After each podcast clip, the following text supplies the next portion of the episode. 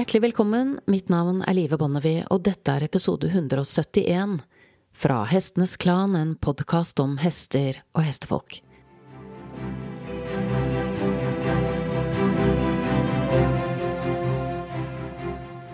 Som du kanskje vil legge merke til hvis du er en fast lytter av denne podkasten, så er denne episoden et avvik fra normalen. Det er den andre gangen i mitt liv jeg poster to episoder på en uke.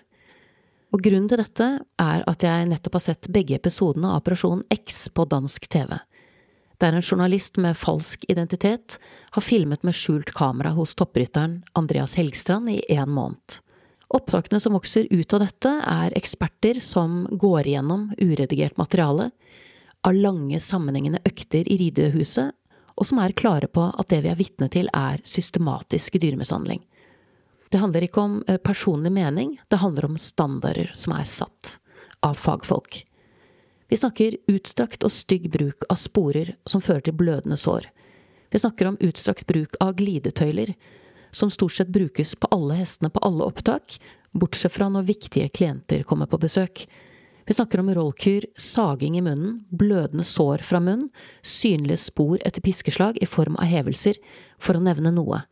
Det er ikke pent. Og det er satt i system på en måte som er oppsiktsvekkende.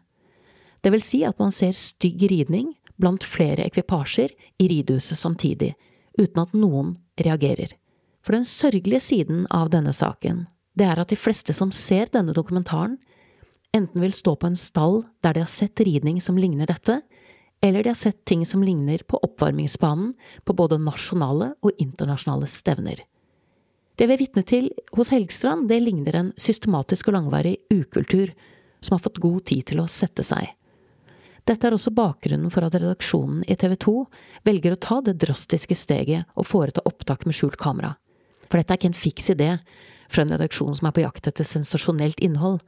Det er et resultat av innkomne bekymringsmeldinger som handler om mishandling av hester hos en av de største hestehandlerne i verden. Det sagt, så håper jeg virkelig disse to episodene kan få oss til å heve blikket og se på det større bildet. Nemlig at vi ikke bare har vent oss til konfliktatferd som en del av normalen i hestebransjen, og ofte ikke evner å se hva hestene forsøker å fortelle oss men at både dommere og sporten har sovet i timen i årevis. Det er særlig to ting jeg håper vi kan klare å unngå denne gangen. Det første er at vi ikke slår oss til ro med at det vi har sett er unikt, for det er det dessverre ikke. Det andre er at folk slår seg til ro med Helgestrands bortforklaring, der han dytter de ansatte foran seg. Først som et påskudd til å stoppe opptakene ved å gå rettens vei, ikke fordi han selv har noe å skjule, men fordi de ansatte følte seg krenket for deretter ikke bare skyve dem foran seg, men regelrett dytte dem under bussen når skylden skal fordeles. Men det som skjedde, det skjedde på Helgstrands vakt, og ikke minst på Helgstrands budsjett. Og er det noe 40 år i bransjen har lært meg, så er det at når valget står mellom store penger og velferd, da går folk etter pengene. På Helgstrands Facebook-side så står det å lese at programmet har startet en debatt om velferd, hvor også Helgstrand har i gåsehudene mye å lære. Men det kan umulig stemme, for det er ikke mye å lære her. Det som foregår på disse opptakene, det er brudd på grunnleggende og helt elementære retningslinjer for etisk bruk av hesten i ridesport. Dette burde enhver som så mye som tar i en hest, ha lært seg for lengst. Det står også at man ikke får hester i verdensklasse hvis de ikke behandles som hester i verdensklasse og det tenker jeg stemmer godt med virkeligheten. For mange hester i verdensklasse blir behandlet nettopp på denne måten. For hardt, på tvers av forskrifter og etikk. Vi krever for mye av dem for tidlig, bruker metoder som er både uetiske og kritikkverdige. Og det må vi snart begynne å ta inn over oss. Og det må snart begynne å få konsekvenser. Helgstrand innrømmer da også at han vet at rolker og glidetøyler blir brukt på hans anlegg men han insisterer på at det ikke er det samme som at han aksepterer det. Men det gjør han jo. Det har blitt godt dokumentert både av nåværende og tidligere ansatte. Dette skjer i hans egne ridehus, med han selv har påtatt seg ansvaret for, og med ansatte han selv har satt standarden for, som han forventer raske resultater av. For det er der de store pengene ligger. Jeg har stokket om på sendeplanen for å lage en egen episode om dette i neste uke, men jeg tenkte jeg skulle varme opp med noe som ble sendt før dagens sending, der Helgstrand stilte til intervju på TV 2-nyhetene. Der legger han vekt på at det vi får se, bare er en kort film, må vite. Som dreier seg om et kort utdrag, et lite unntak, som ikke har noe med det større bildet å gjøre. Er det først i dag det har gått opp for deg at dere har problemer med håndteringen av deres hester, spør intervjueren. Og han bekrefter at jo, han så programmet først i dag, og han tar selvfølgelig sterk avstand fra det som vises, og han sier at bildene viser en ukultur han ikke gjenkjenner overhodet i sterk kontrast til det som faktisk kommer frem av de skjulte opptakene.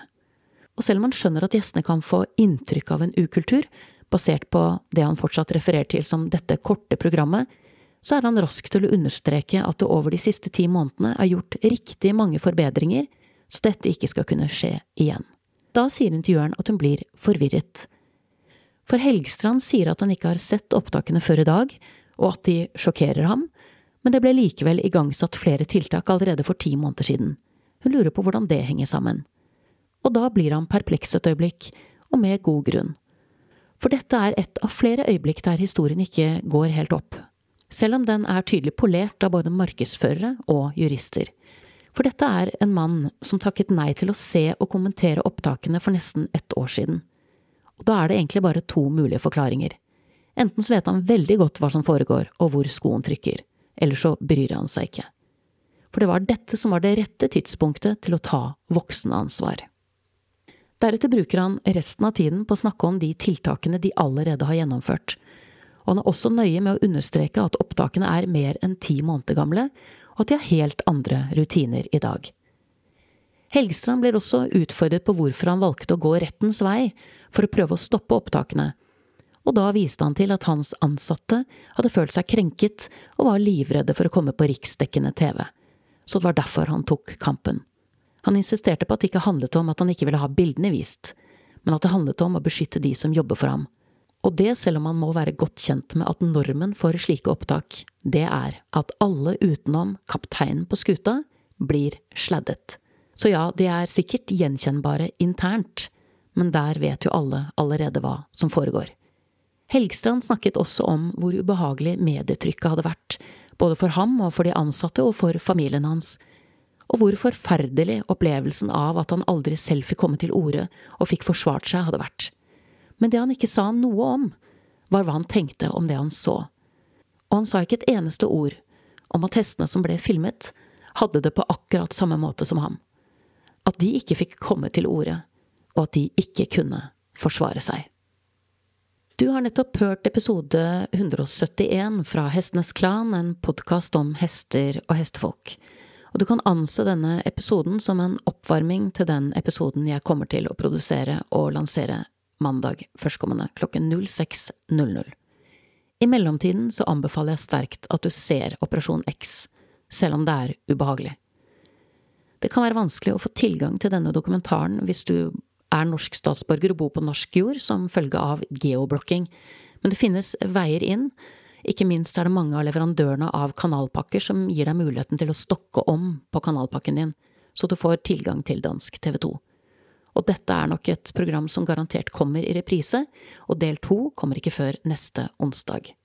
Da gjenstår bare for meg å takke min faste komponist Fredrik Blom, designeren av podkastens visuelle profil Ove Hals, min lyddesigner Stig Holte, og jeg har også lyst til å benytte anledningen til å takke redaksjonen i Operasjon X for å være med på å belyse noe av hestesportens skyggesider.